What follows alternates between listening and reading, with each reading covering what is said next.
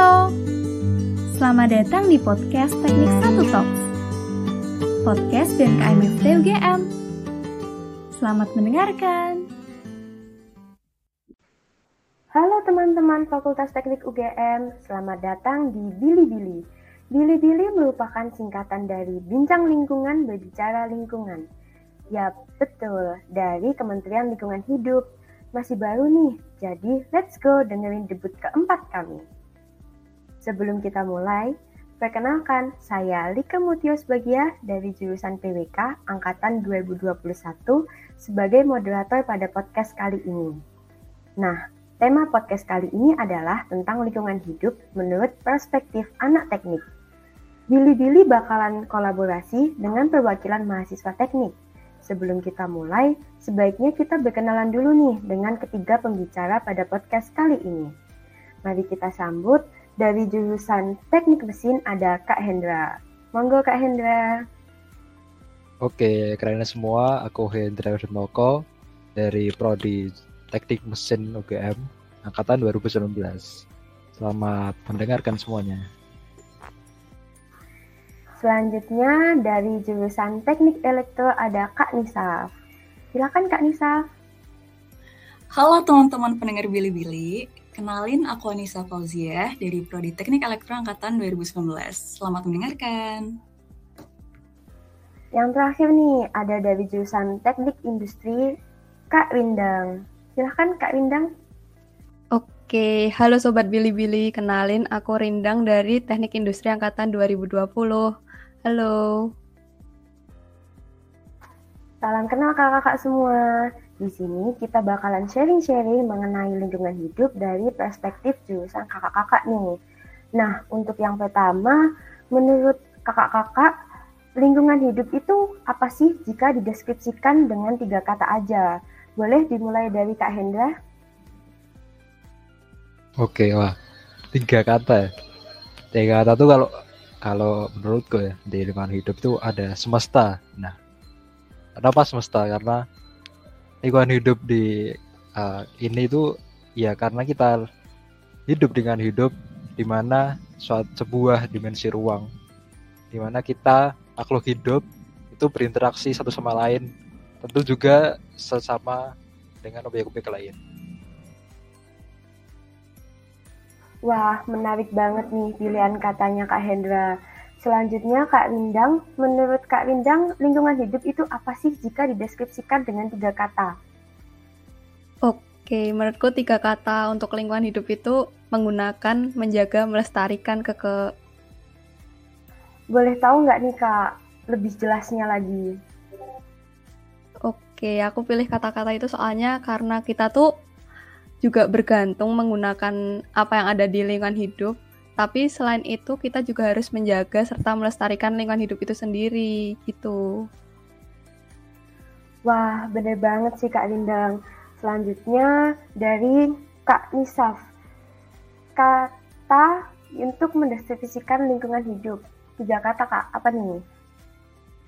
Kalau dari aku sendiri, tiga kata pertama yang terlintas di kepala aku kalau aku dengar kata lingkungan hidup itu yang pertama adalah sustainable, terus juga ada kata green dan juga ada kata nature. Oke, keren-keren semua nih pilihan katanya. untuk pertanyaan selanjutnya dari jurusan kakak-kakak nih, khususnya tentang klaster manufaktur. Hal apa yang kalian pelajari untuk melestarikan lingkungan? Boleh dimulai dari Kak Lindang? Oke, kalau di teknik industri sendiri ya kita tuh sebenarnya tidak mempelajari khusus tentang lingkungan hidup, tapi kita juga belajar tentang perancangan pengembangan produk nih misalnya di situ kita kayak merancang produk yang sustainable dan juga kayak berdasarkan nilai-nilai SDG SDGs gitu kan. Nah, selain itu kita juga belajar K3L, itu ada keselamatan, kesehatan, kerja lingkungan. Nah, di situ kita juga belajar mengenai lingkungan.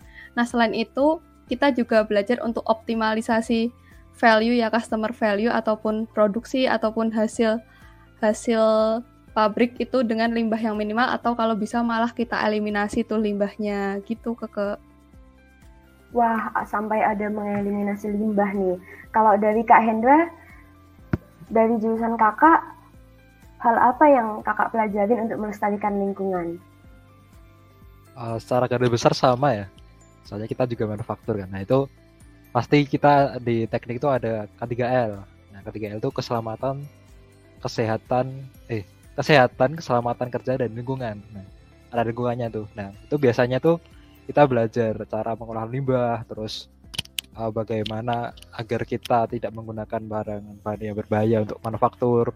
Kemudian bagaimana kita mengeliminasi polusi yang dihasilkan dari manufaktur tersebut seperti polusi udara, tanah, suara, kemudian getaran juga, suhu juga karena kan kalau suhu mungkin di PLTU nanti jangan sampai terbuang ke laut seperti itu.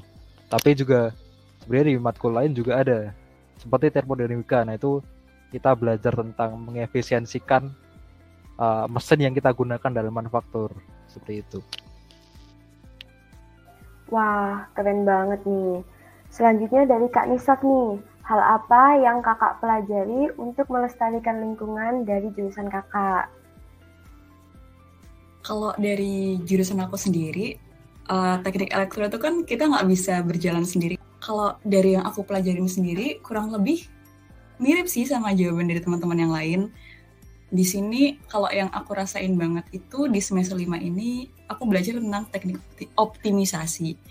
Nah, optimisasi yang kita pelajarin itu bisa buat menekan daya atau power yang dikonsumsi dalam suatu plant industri atau pabrik industri gitu.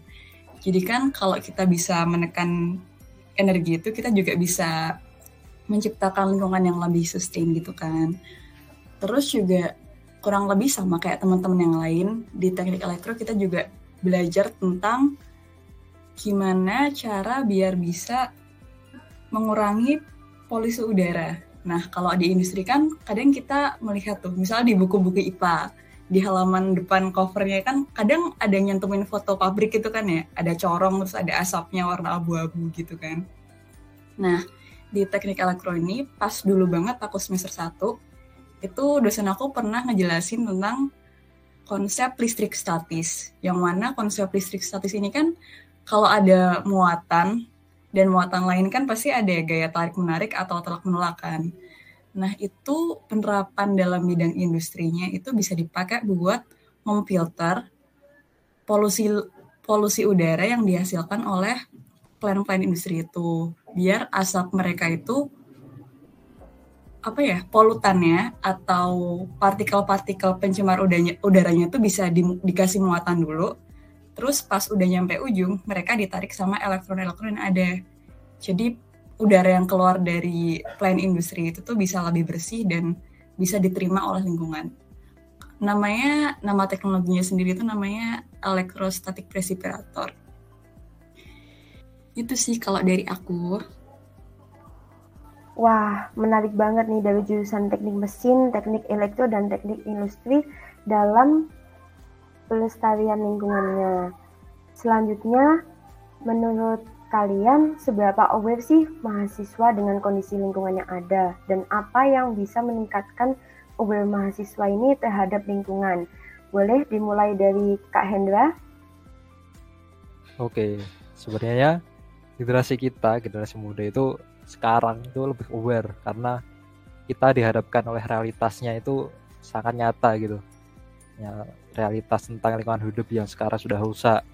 Nah itu uh, beberapa orang tuh malah ada yang kata tuh yang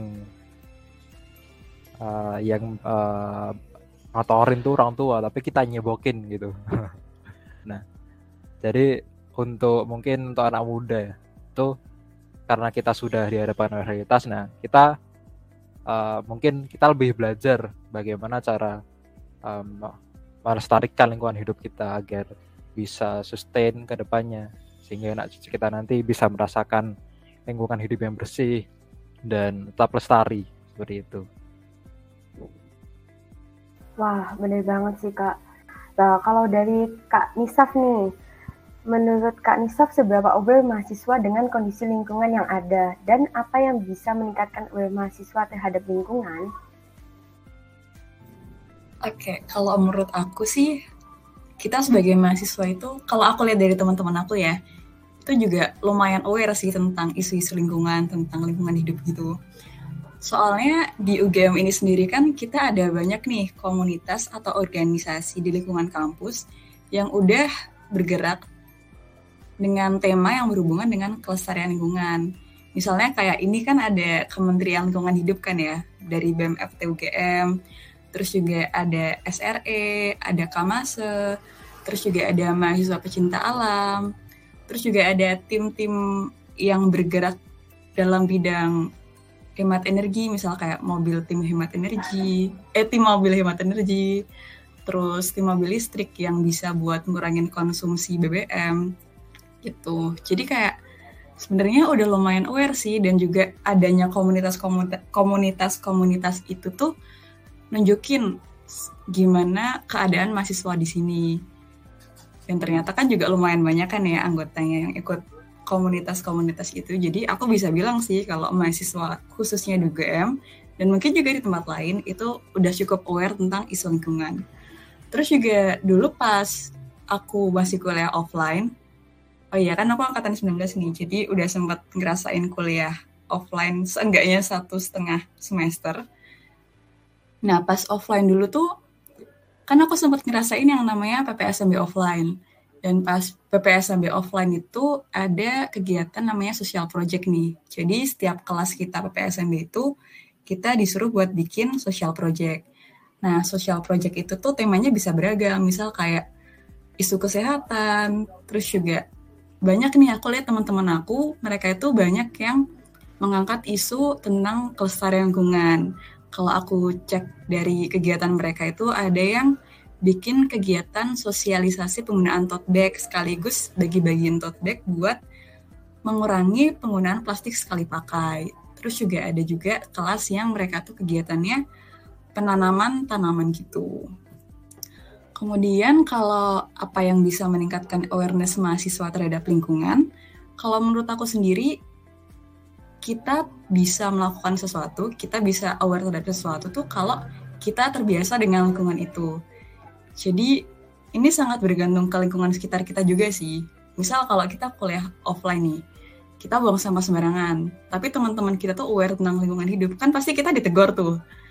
Nah, kalau kita punya temen yang mereka itu aware, kita kan jadi kayak kebiasa dengan gimana cara mereka berkegiatan gitu kan. Mereka tetap buang sampah pada tempatnya, mereka minum pakai botol sendiri, nggak pakai botol sekali pakai, dan hal-hal kayak gitu tuh juga bakal balik lagi ke kita tuh loh. Kita bisa ikut kebiasaan mereka juga. Jadi kalau kita didukung oleh lingkungan yang mendukung sustainable, lingkungan yang sustainable, kita juga bakal kok kita juga bakal bisa aware terhadap lingkungan. Apalagi di UGM ini sendiri udah ada banyak peraturan kan ya. Misal kayak kalau ngajuin konsumsi itu minumnya nggak boleh pakai minuman yang botol kemasan sekali pakai gitu. Tapi kalau galon boleh. Atau kalau kegiatan di kampus biasanya minumnya pakai toyagama. Nah menurutku hal-hal kayak gitu tuh bisa buat meningkatkan awareness mahasiswa terhadap lingkungan. Wah, berarti dari mahasiswa UGM sendiri ini udah sangat aware ya dengan kondisi lingkungan, terlebih lagi kalau saling mengingatkan, jadi kondisi lingkungan ini tetap terjaga gitu. Kalau dari Kak Rindang nih, seberapa aware sih mahasiswa dengan lingkungan yang ada dan apa yang bisa meningkatkan awareness mahasiswa terhadap lingkungan? Oke, aku setuju sama pendapatnya Kak Hendra sama Kak Nisa. Jadi sebenarnya tuh anak UGM tuh kayak udah pada sadar gitu kan terhadap apa lingkungan hidup gitu. Nah, terus mereka juga udah sering ikut kegiatan-kegiatan di lingkungan atau bahkan langsung terjun ke lapangan gitu kan. Nah, tapi menurut aku yang harus ditingkatkan tuh kayak dari intensitas intensitas mereka terhadap lingkungannya. Jadi misalnya yang kita lihat kan kayak mereka apa peduli lingkungan di acara kegiatan-kegiatan sosial project gitu kan misalnya. Terus kayak resik pantai gitu. Nah, mungkin di kegiatan sehari-harinya nih, misalnya kayak buang sampah atau memilih memilah sampah.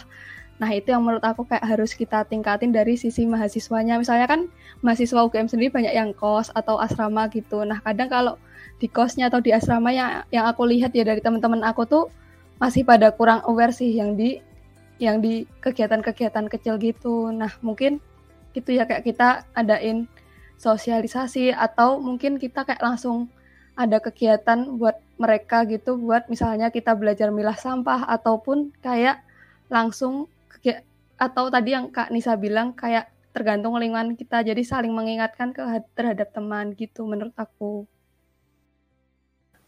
Wah, ide bagus tuh Kak. Meningkatkan awareness dalam bidang pemilahan sampah supaya sampah lebih mudah untuk diolah.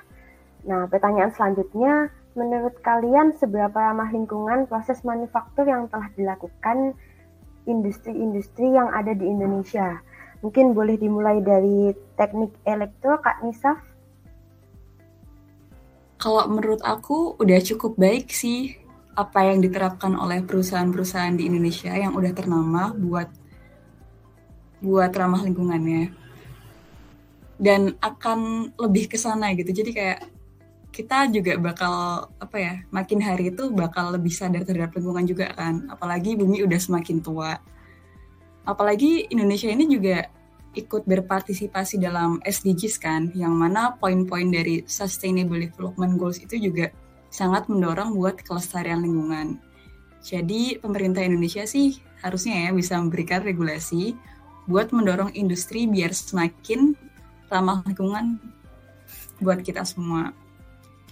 Terus juga kalau dari yang aku tahu nih, pengolahan limbah industri itu juga udah ada aturan yang masuk tentang itu gitu misal kayak limbah zat cair itu harus diencerkan dulu biar pas dilepas di lingkungan itu dia nggak berbahaya buat sekitarnya.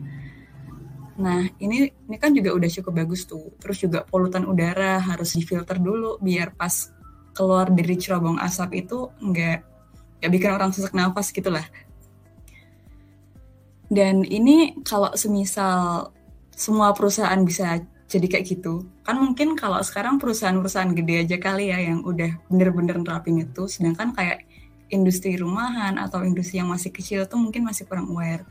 Tapi kalau kita bisa mendorong itu semua biar bisa lebih ramah lingkungan, itu bakal baik banget sih buat kehidupan kita ke depannya juga.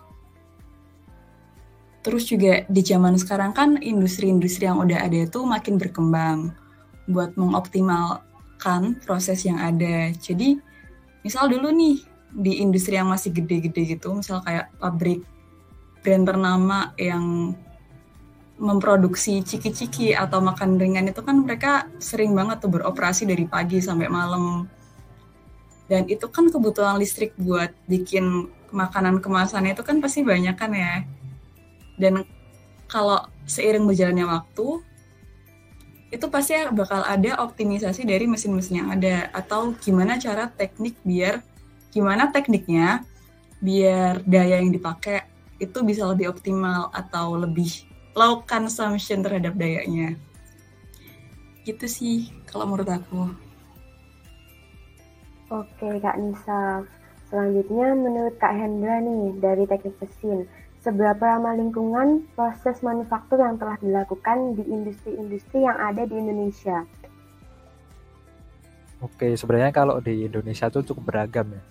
Kalau industri gede-gede seperti yang dikatakan Nisa tadi, memang sebenarnya sudah menerapkan aspek lingkungan pada industri mereka. Tapi mungkin untuk industri-industri kecil itu mereka belum mas belum menerapkan apa yang harus di uh, melestarikan pada lingkungannya. Karena memang kos yang dibutuhkan emang nggak tinggi ya. Tetapi sebenarnya untuk jangka panjang kos tersebut itu bisa tertutup dengan efisiensi produksi industri tersebut. Jadi misal kita uh, beli mesin yang efisien mungkin di awal sangat mahal tapi untuk ke depannya itu kosnya untuk produksi sehari-hari mungkin bisa dikurangi seperti itu. Dan juga mungkin di UGM sendiri juga ya. Mungkin kan karena kita ada beberapa banyak tim nih.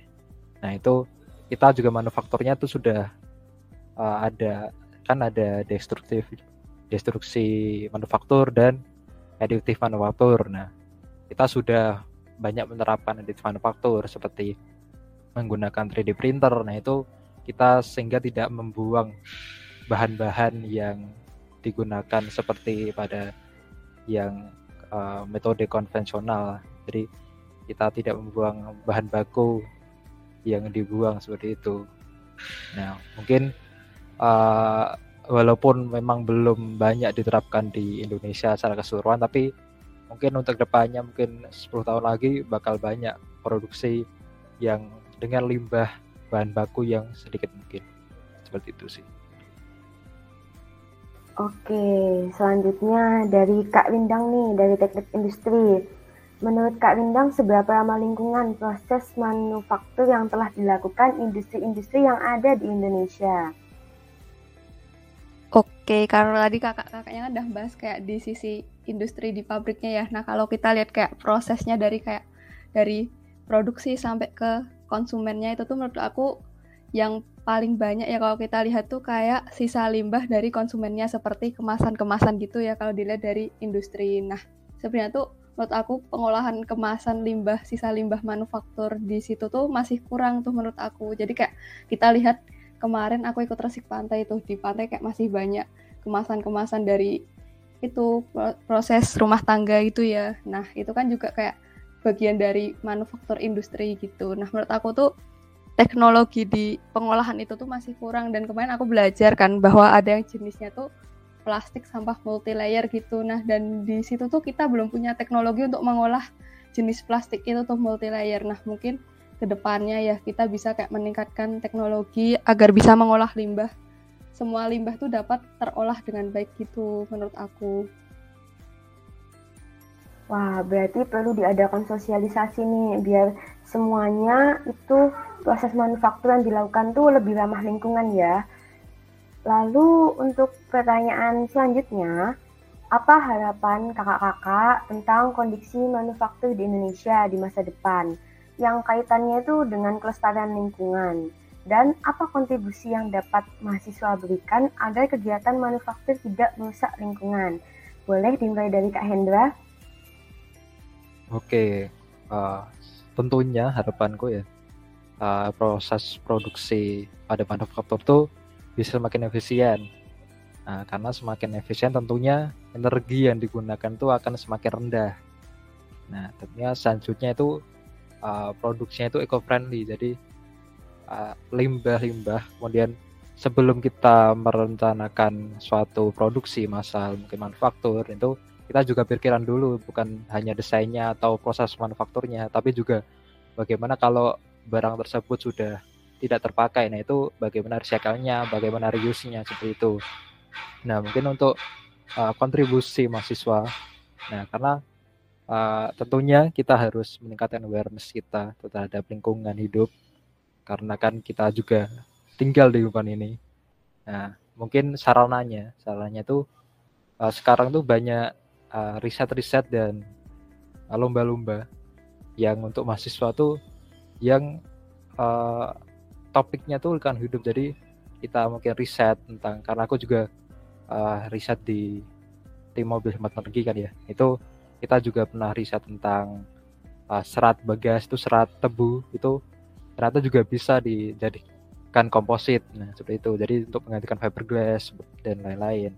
Juga uh, untuk bahan 3D print filament 3D print itu juga bisa menggunakan uh, limbah dari tutup botol yaitu HDPE. Nah, itu bisa diolah lagi, kemudian bisa jadikan filamen pada 3D printer, kemudian untuk mencetak barang-barang lainnya. Nah, itu uh, proses-proses seperti itu ya yang harus kita uh, riset agar ke depannya itu limbah limbah-limbah pada proses manufaktur tuh seminimal mungkin lah. Kalau bisa nggak ada ya. Seperti itu. Jadi karena kita memang akademisi Uh, jadi kontribusi kita tuh yaitu kita sebisa mungkin riset dan menanamkan awareness kita terhadap lingkungan hidup. Seperti itu. Wah, ditunggu nih karya-karya mahasiswa teknik untuk membantu kelestarian lingkungan.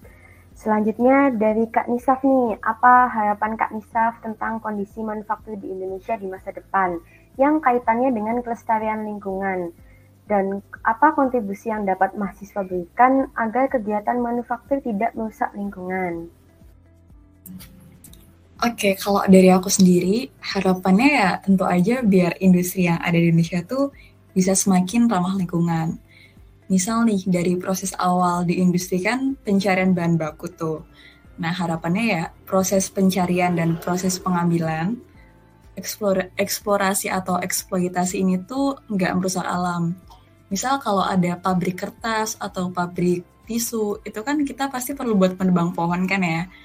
Nah, itu sebisa mungkin pohon yang udah kita tebang itu kita ganti dengan menanam satu pohon yang baru sebenarnya setahu aku emang udah ada sertifikasi perusahaan yang melaksanakan ini sih, tapi nggak semua perusahaan yang bergerak di bidang industri kertas dan industri tisu itu melakukannya gitu. Jadi ya harapannya biar bisa semua industri itu aware tentang hal ini tuh. Kayak alam udah nyediain banyak banget buat kita, masa cuma buat kembaliin aja kita nggak bisa, kan? Terus selain dalam proses pengambilan sumber daya alam, dalam proses industri di mesin-mesinnya, dalam mengubah bahan baku tadi jadi bahan jadi, itu juga bisa dioptimalin lagi biar seperti yang Mas Indra bilang, biar daya yang dikonsumsi itu bisa lebih rendah. Dan juga harapan aku nih biar limbahnya itu juga bisa dikelola dengan baik, kayak yang udah disinggung sama Mbak Rindang dan Mas Indra tadi. Dan sebisa mungkin nih kalau bisa ya, nggak cuman nggak cuman polutannya aja yang dikurangin. Misal kayak zat cair itu harus dilarutin dulu sampai nilainya di bawah beberapa ppm baru bisa dilepaskan ke alam. Atau corong udara itu harus pakai elektrostatik precipitator biar udara yang keluar itu nggak mengandung banyak partikel berbahaya. Tapi juga kayak yang disampaikan Mas Indra tadi kalau bisa hasil sisa atau residu yang dikeluarkan dari proses industri itu bisa menjadi bahan baku untuk proses lainnya.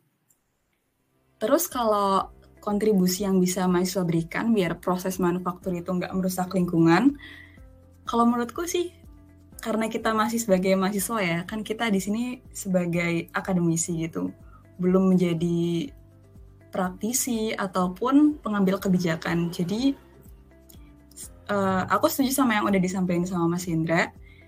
Kita lebih lebih ini ya, lebih ke proses pengkajian tentang proses manufakturnya tadi.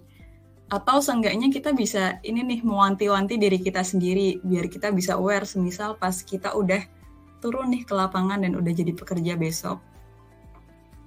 Atau bisa juga nih pas kita menjalankan perkuliahan kan kalau di tempat aku itu semester 5 kita udah ngajuin kerja praktek. Nah, itu bisa aja nih kita ngambil topik manufaktur yang menjaga lingkungan. Nah, misalnya itu bisa diimplementasikan dengan bikin peralatan yang udah ada di sana itu optimal, jadi bisa hemat daya. Misal penjadwalannya itu nyala kapan, mati kapan, biar apa ya, walaupun barang yang dihasilkan itu tetap sama, tapi power consumption power consumption-nya bisa lebih rendah.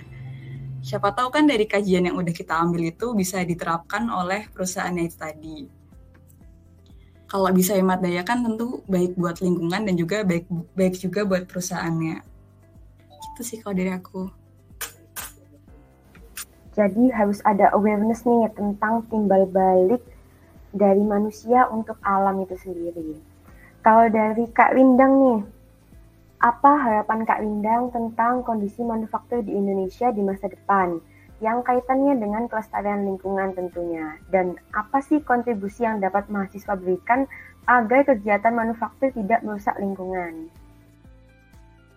Oke, kalau aku harapannya, nah semoga generasi kita ke depannya tuh bisa memberikan inovasi dan kontribusi ya terhadap dunia manufaktur. Nah, dan di dunia manufaktur tuh dengan mempertimbangkan dari sisi lingkungan serta diterapkannya nilai-nilai SDGs di lingkungan manufaktur. Nah, hasil akhirnya tuh kita bisa menerapkan industri hijau yang akan terjadi di masa depan gitu gitu teman-teman. Nah terus apa kontribusi mahasiswa ya? Nah kalau dari sisi aku ya sebagai mahasiswa itu tuh aku juga sama kakak-kakak aku juga belajar. Nah aku sendiri kan jadi anggota Dewan Energi Mahasiswa tuh. Nah di situ kayak aku belajar cara cara mengolah berbagai macam energi ya supaya bisa apa ya kita tidak bergantung dengan energi fosil walaupun energi fosil itu masih dibutuhkan tapi bagaimana cara kita menyeimbangkan energi terbarukan dan energi-energi lainnya untuk mengurangi energi fosil tersebut gitu.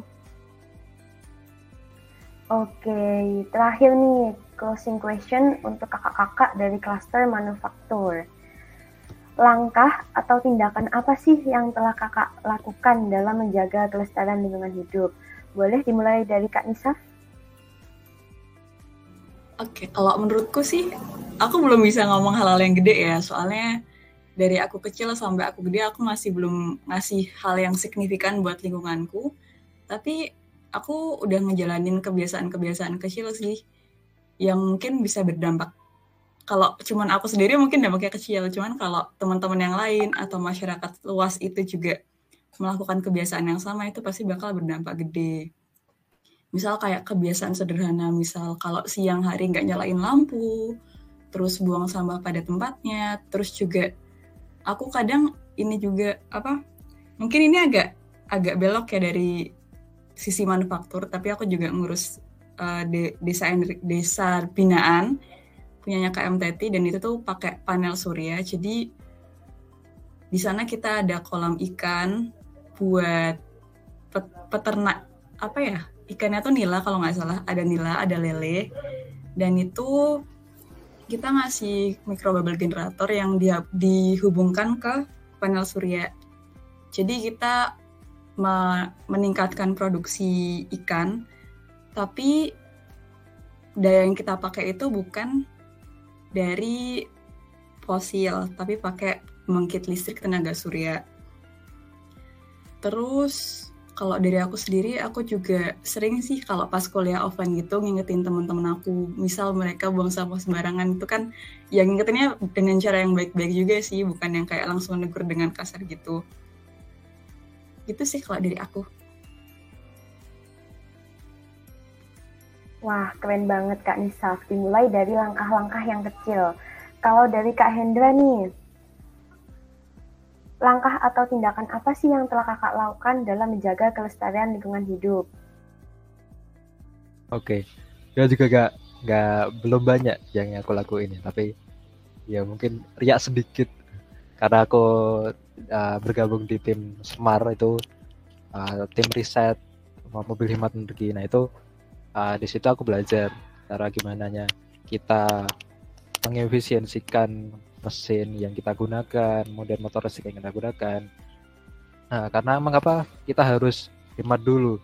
Mengapa tidak kita menggali energi yang lebih hijau? Nah, uh, seperti kita tahu juga, mungkin uh, listrik mobil listrik itu terdengar sangat hijau gitu ya sama lingkungan tapi kita kan udah tahu ya untuk di Indonesia tuh hulunya energi itu masih bergantung pada fosil batu bara seperti itu jadi sebelum kita beralih ke energi yang lebih hijau seperti solar panel kemudian dari uh, energi dari udara seperti angin wind kemudian dari gelombang laut seperti itu. Karena energi energi hijau seperti itu emang sangat fluktuatif ya tergantung cuaca dan kondisi tempatnya seperti itu. Jadi uh, sebelum kita beralih ke listrik nah tentunya kita harus uh, menjaga agar energi yang kita gunakan tuh seminimal mungkin seefisien mungkin.